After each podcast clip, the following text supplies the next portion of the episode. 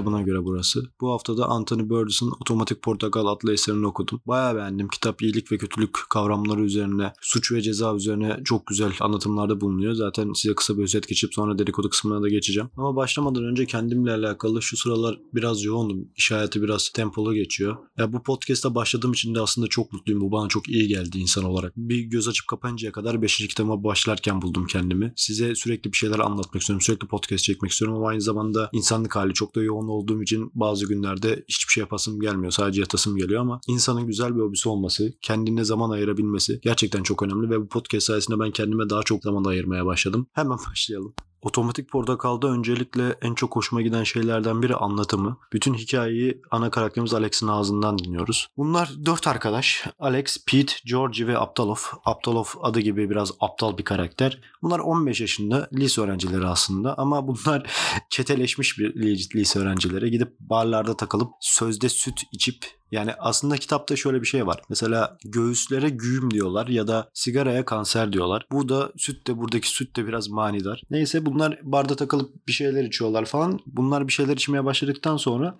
gece dışarı çıkıyorlar ve soygun, adam dövme, ırza geçme gibi eylemlerde bulunuyorlar. İçip adam dövüp geri dönüyorlar ve orada barda takılan yaşlı kadınlara bir şeyler ısmarlıyorlar. Burada yaşlı demelerinin sebebi kendileri 15 yaşında. Büyük ihtimal yaşlı dedikleri insanlar da 30-35 yaşında insanlar. Kadınlara bir şeyler ısmarlayıp bütün gece orada olduklarını hani soran olursa yaşlı kadınların bütün gece buradalardı bize bir şeyler ısmarladılar demeleri için sırf zekice düşünülmüş bir strateji. Neyse hikayenin en başına bunlar çıkıp e, yaşlı bir adamı kitap okuyan bir adamı elinde kitaplar olan bir adamı dövüyor. Ondan sonra da bara geri dönüyorlar. Barda tekrar bir şeyler içip e, bıçaklı süt içip enerjilerini toplayıp tekrar çıkıyorlar ve bir eve girmeye karar veriyorlar. Girecekleri evin kapısında kocaman yuvamız yazıyor ve bu evde bir kadın bir erkek yaşıyor. Adam yazar ve otomatik portakal adı verilen bir şeyle meşgul bir şey yazıyor. Bunu Alex görüyor. Tabii hiç umurunda değil. Etrafı yakıp adamı dövüp kadına tecavüz etmeye başlıyorlar. Adamın gözleri önünde. Ve sırayla tecavüz ediyorlar bu arada. Ve işlerini bitirip çıkıp gidiyorlar. Hiçbir şey olmamış gibi. Sonra bara döndüklerinde Alex şarkı söyleyen bir kadını dinliyor ve kadından çok etkileniyor. Ama o arada Aptalov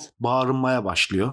Kadının e, şarkısını bölüyor ve buna Alex çok sinirleniyor ve Aptalov'a vuruyor. Kadının e, şarkısını bölmemesini falan söylüyor. Onu uyarıyor. Ama şöyle bir şey var. Aptalov da diyor ki sen ne yaptığını diyorsun falan filan sinirleniyor. Bayağı geriliyor. Georgie de bayağı geriliyor. Ortalık biraz geriliyor ve Alex diyor ki ben grubun lideriyim. Ben ne dersem o olur tarzı bir konuşma yapıyor. Oradan çıkıp ertesi gün buluşmak üzere sözleşip dağılıyorlar. Ertesi gün buluştuklarında Georgie ve Aptalov Alex'in grubun lideri ilan etmesini kendini e, yediremiyorlar ve bayağı aslında tavır alıyorlar. Alex de bunun üzerine onları dövüşe davet ediyor. Bildiğiniz bıçakla falan bir dövüş ve ikisini de bir güzel dövüyor. Sonra diyor ki görüyor musunuz bu benim. Ben en güçlüyüm. Ben en zekiyim. O yüzden grubun lideri ben olmalıyım.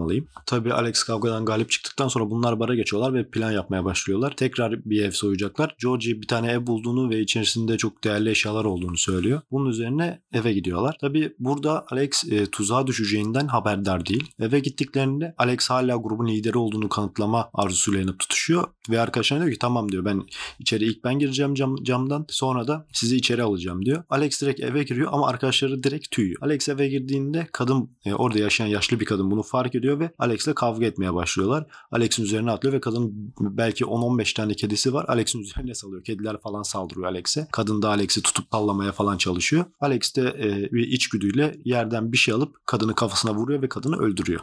Ve o sırada polisler geliyor. Çünkü arkadaşlar ona tuzak kurmuş ve basıp gitmişler. Tabii Alex suçüstü yakalandıktan sonra direkt Alex'e cezaevine yollalar. Ve zaten Alex de seneler önce çocuk kıslı evinde de kalmış biri. Alex ağırlaştırılmış 15 yıl ceza yiyor. Cezaevinde 2 sene geçirdikten sonra bir rahip oradaki rahiple takılmaya başlıyor ve iyi çocuğu oynuyor. Alex de bu arada zeki bir karakter. Sürekli insanlara, büyüklere karşı çok iyi rol yapıyor. Çok efendi, çok saygılı biri gibi yapıyor ve e, rahat olmak için de oradaki rahibe yanaşıyor. Çünkü bu arada Alex'in de inanılmaz bir müzik düşkünlüğü var. Beethoven, Mozart falan dinliyor. Keman konçertolarını çok seviyor. Yani enteresan bir karakter.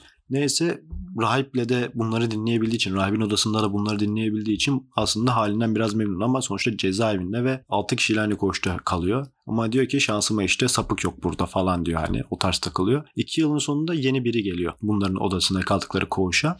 Olay da orada başlıyor. Aslında olay tabii ki çoktan başladı ama Alex'in cezaevinden çıkış oluyor orada başlıyor. Gelen adam sapık çıkıyor ve gece e, bizim Alex'e halleniyor. Alex de bu adamı dövüyor. İçerideki diğer arkadaşları, koğuştaki arkadaşları da bunu gazlıyor. Onlar da adamı dövüyor ve adam sonunda ölüyor.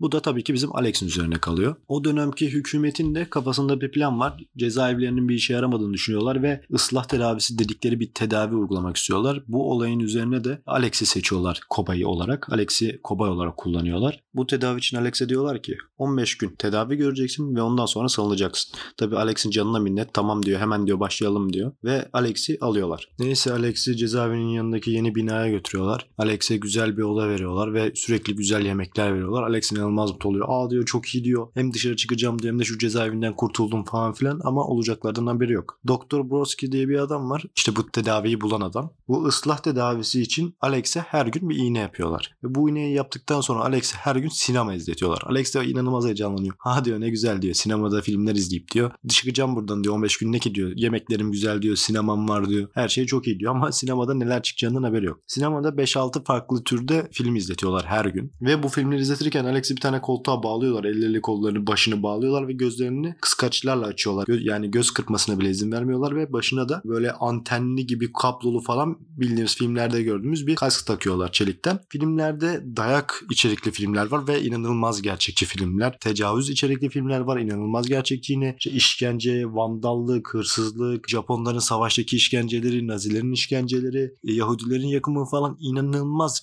tamamen gerçek gibi inanılmaz filmler izletiyorlar ve o iğneyle beraber bunları izlerken midesi bulanıyor, kusmak istiyor, canı acıyor. Yani bildiğiniz Alex'i makineleştiriyorlar. Yani Alex bundan sonra iyi olmayı tercih etmiyor. İyi olmak zorunda kalıyor. Çünkü bu buradan çıktıktan sonra her kötü bir şey yapmak istediğinde bu filmler gözünün önüne geliyor ve kendini çok kötü hissediyor ve bunlardan kurtulmak için iyi davranması lazım. Diğer türlü o mide bulantısı, baş ağrısı, halsizlik, ağrılar geçmiyor. İyilik yapması lazım, iyi davranması lazım insanlara ki bunları hissetmesin. Ve bizim inanılmaz müziği seven Alex kafayı yiyor. Neden? Kötülük yapmak istiyor oradan çıktıktan sonra ama yapamıyor. Çünkü her yeri arıyor ve filmlerde de Alex'e bu dayak filmlerinde de tecavüz filmlerinde ses yok. Arkadan sürekli 9. senfoni, 20. senfoni, işte bu Mozart, Beethoven'ın diğer bestelerini, keman konçertoları dinletiyorlar. Yani bundan sonra Alex ilk eve döndüğünde 9. senfoniyi dinlemek istiyor. Gözlerini kapatıp sadece onu yapmak istiyor. Ama dinlemeye başladığında direkt kötü hissediyor. Çünkü o müzikler de ona onları hatırlatıyor. Kötü duygular hatırlıyor. Dayağı, tecavüz hatırlatıyor. Yani Alex bildiğiniz makineleşiyor. Alex bundan sonra iyiliği tercih eden bir karakter değil. İyi olmak zorunda kalan bir karakter oluyor. Çünkü iyilik yapmadığında, kötülüğü düşündüğünde, kötülük yapmaya çalıştığında çok kötü hissediyor dayanamayacak acılar dayanamayacak e, ağrılar çekmeye başlıyor. Hapisten çıktıktan sonra ilk iş ailesinin yanına gidiyor ama ailesi inanılmaz şaşırıyor. Alex'in hapisten kaçtığını düşünüyorlar. İşte biraz tartışma falan Alex olanları anlatıyor. Gazeteleri okumadınız diyor. Her yerde ben varım diyor. İşte kobay oldum diyor. Artık çıktım diyor. Özgürüm diyor. Ama Alex yokken de Alex'in anne babası odasını başkasına kiralamış. Adam buna bayağı atar gider yapıyor. Sen diyor bunları çok üzmüşsün diyor. Git bu evden diyor. Bu insanların hakkını yedin diyor. Onlar ne haldeydi sen biliyor musun? Artık onların evladı benim falan diyor. Alex kafayı yiyor. Tam yani dalmak istiyor adama sen kimsin diye ama yapamıyor. Çünkü bok gibi hissediyor. İşte iyi konuşmak zorunda kalıyor falan ve Alex evi terk ediyor. Annemle babam beni bıraktı diye. Neyse Alex ne yapacağım ne yapacağım diye etrafta dolaşırken bir şey bulamıyor. Yapacak bir şey bulamıyor. Bara gidiyor işte sütünü içiyor falan ama yine de aklına bir şey gelmiyor. Ailesi tarafından atılmış hapisten çıkmış biri. E, cebinde doğru düzgün para yok. Bir işi yok çünkü okulu bitirememiş. Ne yapacağını bilmiyor. En sonunda diyor ki ben ölmeliyim diyor. Ama ölmeyi düşündüğünde bile çok kötü hissediyor. Yani onu bile yapabilecek bir durumda değil. Yani Alex'e biri tokat attığında sadece diğer yanağını dönebiliyor. Tepki veremiyor. Çünkü tepki vermeye çalıştığında çok kötü şeyler yaşıyor. Bilinçaltında dışında işte gözü kararıyor, mide bulantıları falan. Yani zorunda abi adam iyi, iyi olmak zorunda kaldı. Yani ondan sonra Alex kütüphaneye gidiyor. Başka gidecek bir yere olmadığı için. Orada önceden böyle gençlik zamanlarında, vandal zamanlarında dövdüğü bir adam bunu tanıyor ve buna saldırıyor. Bu da karşılık bile veremiyor. Sadece yere kapanıyor ve yaşlı insanlardan dayak yiyor. Çünkü yapabileceği hiçbir şey yok. Ondan sonra polisler geliyor ve bu polisler kim olabilir? Eski azılı düşmanı, eski e, çetesinin düşmanı, koca göbekli diye biri ve yanında Aptalov.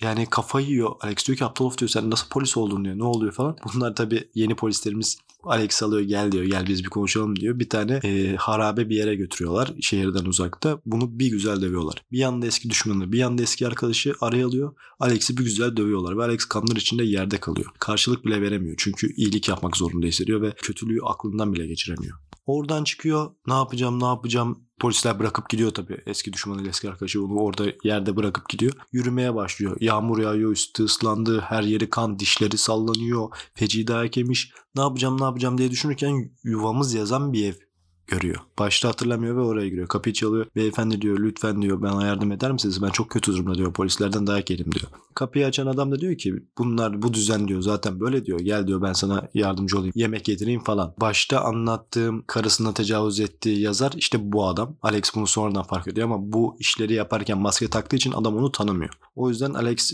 beni tanımaz zaten diye rahat bir şekilde eve giriyor. Ondan sonra ama adam Alex'i tanıyor. Sen diyor işte hapishaneden kobay olarak kullanılan çocuk değil misin diyor. Sana diyor çok kötülük yaptılar diyor. Bu düzeni değiştirmemiz lazım. Bu siyasi ortam çok kötü. Başımızdakiler çok kötü. Seni kullanalım. Bu kötü halini görsünler. Bunları herkese anlat. İşte sen artık kurtuluş olmuşsun falan diye Alex'in üstüne geliyor. Alex diyor ki yani bana bak diyor ben her şeyi yaparım diyor. Yapacak hiçbir şeyim yok diyor. Kötü durumdayım diyor. Yeter ki diyor bana yemek ver. Bundan sonra hayatımda ne yapacağımı da bilmiyorum diyor. Bana da sen de belki destek olursun diyor. Neyse sonra bu adam 3 tane arkadaşını çağırıyor. İşte biz Alex'i bulduk. Alex'i kullanacağız. İşte Alex ifade verecek. Bunları gazetelerde yandaş olmayan gazetelerde yanlayacağız falan diyor. Alex bir yolda beni nereye götürüyorsunuz? İşte ben vazgeçtim ben gelmiyorum tarzı şeyler dese de artık onların elinde. Alex'i bir yere götürüyorlar, kilitliyorlar. Diyorlar ki işte ifade vereceksin, imza atacaksın. Biz bu düzeni bozacağız. Sen de bize yardımcı olacaksın diyor adamlar. Alex de ister istemez önceden kabul ettiği için ve kaçabileceği bir yer olmadığı için de kabul ediyor. Ama sonra yan odadan biri müzik açıyor. Alex kafayı yiyor. Başı ağrımaya başlıyor. Mide bulantıları, işte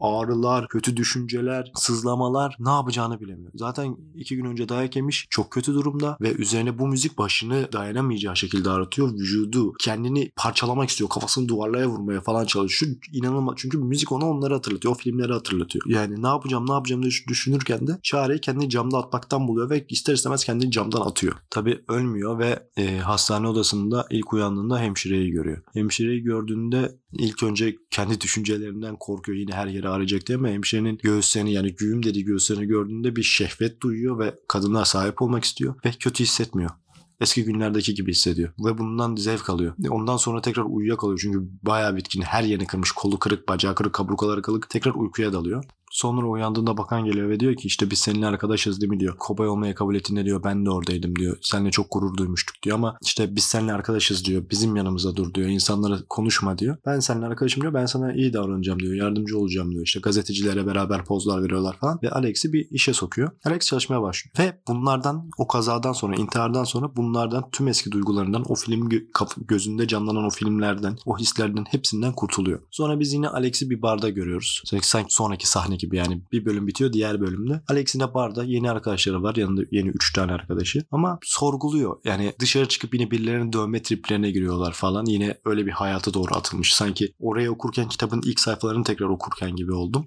Ama Alex orada sorgulamaya başlıyor. Bunu niye yapıyorum diyor. Bu olmamalı diyor. Ben diyor gideceğim diyor arkadaşlarına ve çekip gidiyor. Neyse dönerken ben diyor bir kahve içeyim diyor. Bir müzik dinleyeyim diyor. Çünkü artık müzik dinlemek de ona koymuyor. Yine eskisi gibi kötü hissetmiyor. Bir kahveye girdiğinde kahve içmek için eski arkadaşı Pete'i görüyor eski çetesinden. Pete'in yanında da bir kadın var. Pete'in yanına gidiyor. Aa diyor Pete diyor ben diyor çıktım diyor. George ölmüş diyor. Aftolof'ta polis olmuş diyor. Sen ne yapıyorsun falan diyor. Pete de 19 yaşında o sıralar evlenmiş. Ben diyor evlendim.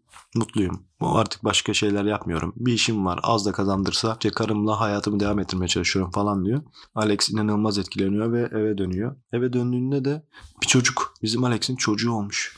Ve diyor ki artık diyor çocuğuma diyor bir anne bulma zamanı geldi. Her şey geçti gitti diyor. Ve kitap burada bitiyor. Dedikodu faslına geçmeden önce kitap gerçekten iyi kötüyü, iyi olmanın nasıl bir şey olduğunu yani iyilik tercihini, kötülüğü, kötülükten haz almayı falan çok güzel betimliyor, çok güzel anlatıyor. İnsan özgür iradesiyle kaderini seçebilir mi gibi sorulara da çok cevap buluyorsunuz kitabı okurken. Kitap modern klasiklere girmiş artık ve yani bu kitabı bu kadar geç okuduğum için kendime sinirlendim açıkçası. Daha önce okumalıydım. Çok başarılı bir kitap. Evet artık dedikodu kısmına gelelim. Zaten bütün olay Alex'in üzerinden döndüğü için Alex hakkında konuşacağım genel olarak. 15 yaşlarında çete kurmuş bir adamdan bahsediyoruz. Ve kötülük yapmaktan keyif alan bir adam bu adam. Yani kadınlara sahip olmak, insanları dövmek, paralarını çalmak inanılmaz hoşuna gidiyor. Aynı zamanda okulda okuyor ama kafasına göre okula gidiyor gelmiyor. Tam bir aslında sosyopat diyebiliriz. İnanılmaz sosyopat hatta. Burada ben böyle bir insan değilim deyip konuyu kapamayacağım. Hapse girene kadar yaptığı her şeyi ben de yaparım mantığıyla bakacağım ve hapsi bir şekilde hapse girmiş. Hapisten sonra verdiği kararları sorgulayacağım. Bunların üzerine konuşacağım yani. Çünkü benden çok zıt bir karakter bu Alex. Ben asla sosyopat bir adam değilim. Yani sosyopata geç kötülükten de keyif alan bir adam değilim. Ben aslında baktığınızda gayet iyi bir adamım. İyilik yapmayı seven bir adamım. Ve bundan da bazen müzdarip olduğum da oluyor bu arada. Yani iyiler çoğu zaman kazanmaz gibi geliyor benim bu dünyada. İlk olarak Alex hapse girdiğinde, Alex'e dini bir karakter diyebiliriz bu arada. Alex hapse girdiğinde rahiple takılıyor. Rahibin yanında rahat ettiği için. Aslında rahat etmek için rahibin yanında takılma olayını ben de kabul edebilirim ama ben dini bir adam değilim yani. Rahibin sohbeti beni çok bayar. Yani ben hapise düşsem valla 5-10 gün içinde ölecek biriyim. Ben çok daralırım. Hem böyle kapalı alanda kalamam hem o kadar insanın arasında kalamam. Hani çöplükte bile yatarım. Ama kapalı alanda yatamam yani. Neyse rahibin yanına ben ilk olarak girmezdim ve böyle bir kobaylık teklifini de aslında ben kabul ederdim. Çünkü oradan çıkmak için elimden tek fırsat yani 15 yıl yemişim daha 2 yıl olmuş. 13 yıl daha yatacağım. Düşünsenize 13 yıl. Çıkmak için tabii ki ben de kabul ederim kobay olmayı. Ve kobay olduktan sonra ben galiba kendimi bırakırdım ya. Yani çünkü düşünsenize aklınızdan kötü bir şey her geçtiğinde vücut olarak bok gibi oluyorsunuz. Yani aklınızdan kötü bir şeyin geçme ihtimali yok. Yani ben hayatı salardım. Büyük ihtimal bir sahil kasabasında evsiz falan olarak takılırdım yani. Anne babamın yanına gitmezdim. Zaten onların gözünde utanç kaynağı. Zaten onları inanılmaz üzülmüşüm. Sanmıyorum yani gidip bir şeyler yapmaya çalışmazdım. Çünkü o bence hayatın sonu. Bir şey hakkında tercihiniz olmaması hayatın sonu. Bu hayat çünkü tercihlerimizle var. Bu iyi, kötü, her türlü tercih bizim tercihimiz. Her kararı bizi veriyoruz. Kendi hür irademizle veriyoruz ve bunların her zaman arkasında olmalıyız. Bir yerde eğer bir zamanda kendiniz bir karar veremiyorsanız, size dayatılan şeyi yapıyorsanız orada özgür değilsiniz. Ve özgürlük bittiği yerde hayat da biter aslında. Hadi benden de e, o hükümeti yıkmak için yardım isteseler, bana bunları yaptıkları için bunu insanlara anlatmamı isteseler, işte ağlamamı, gazetelere röportaj vermemi isteseler. Bu arada ben kesin yapardım. Çünkü çok muhalif biriyim. Muhalefet etmeyi çok severim. Bazen bazı şeylere inanmasam da sırf muhabbet dönsün diye keyif alarak bence de doğru olan şeye muhalefet olmaya falan çalışırım. Tabii sonunda söylerim ben tabii ki böyle düşünmüyorum diye ama kendi kendime bir oyun oynarım. Yani muhalif olmayı çok severim. Dediğim gibi kötü bir adam olmadığım için çete kurma işleri falan hiç benlik değil. Yani gidip bir adamı durduk yere dövmek, yani tecavüz etmek yani bu kelimeyi ağzıma almayı sevmiyorum zaten. Ama bu bir distopya ve bunları bazen kabul etmem gerekir kitap okurken dedikodu yapacaksam. Abi bir kere birine bir şey yapıyorsan öldürme yani. Yap ne yapıyorsan yap ama öldürme sonra. O tecavüz ettiği kadın da öldü. Evine girdiği kadını da öldürdü. Ya madem haytalık yapıyorsun, madem mandalsın ama tecavüz ve katil olmayı yani tecavüz ve adam öldürmeyi ben anlayamıyorum. Hadi zevk için birini dövdün. Ona bile okeyim ama yani benim hiç anlayamadığım kafalar ama bu kitap bir distopya ve bunu kabul ediyorum. Diğer arkadaşlarından biri olsam he, bu arada ben de Alex gibi grubun lideri olmayı çok severim. Yani liderlik vasfım olduğunu kendimce düşünüyorum. Öncülük etmeyi severim. Çok konuşmayı, en çok konuşan olmayı severim. Aptalov gibi bir karakter olmam da imkansız. Tamam Alex en kral sensin, en lider sensin. Kanka sen niye eve direkt giriyorsun ki soygun yapacakları eve? Bir sakin ol. Bir girme, bir düşün, bir plan yap. Hani hemen caddeye atlama. Ben direkt plan kurardım ve asla ilk ben girmezdim eve yani. Bizim salak kardeşimiz ama direkt evi camı kırıp kendine giriyor. Ya Aptalov diye bir karakter var yanında. Adam zaten her şeye saldırıyor. Beyni zaten geri. Kanka de sen gir içeri de. Kapıyı aç bize de ya. Sen niye giriyorsun? E, Canına mı susadın? Al bak kadını öldürür sonra içeri girersin. Kendimi diğer karakterlerin yanına koymayacağım. Çünkü karakterler maksimum 3-4 kelimeyle anlatılıyor. 3-4 cümlenin içine sığdırılıyor. Diğer karakterlerin hiçbir önemi yok. Tamamen Alex'in yaşadığı şeylere bürünüyoruz. Kitapta tamamen Alex'e odaklıyız. Zaten kitabı da Alex anlatıyor bize. Yani anlatım biçimi de Alex ağzında. Size bir şey sormak istiyorum. Kendim de bunu düşünüyorum. Yani suçluları ıslah etmek için, suçluları topluma kazandırmak için bilimsel yollar kullanmak ve bir insanın hür iradesini elinden almak çok mu mantıklı ya da çok mu mantıksız? Ya böyle bir şey olmalı mı olmamalı diye bir kendim çok düşündüm ama yani tamam bir suçluyu topluma kazandırmak çok önemli ama bir insanın hür iradesini elinden almak, insanlığını da elinden almak gibi. O yüzden ben biraz karşıyım buna. Yani kitabın sonlarına doğru da gerçekten Alex'e acıyorsunuz. Yani iğrenç bir adam bu arada başlarda. Gerçekten iğrenç bir adam. İnanılmaz suçlar işliyor. Terbiyesiz, adam öldürmüş, tecavüz et. Boktan bir adam. Kimsenin sevmeyeceği iğrenç bir adam. Ama öyle şeyler yaşıyor ki öyle şeyler yüklüyorlar ki adama. Çocuğa hatta. O sıralar 17 yaşında falan. Acıyorsunuz karaktere. Yani kötü bir insana acımayı kitap size gösteriyor. Bu arada bu kitabın Stanley Kubrick bu kitabın filmini de çekmiş. Ona da bayağı etkileyici bir film diyorlar. Kesinlikle onu da izleyeceğim. Bugünlük de benden bu kadar. Umarım siz de dinlemeyi seviyorsunuzdur. Çünkü ben yapmayı bayağı seviyorum. Diğer bölümde görüşmek üzere.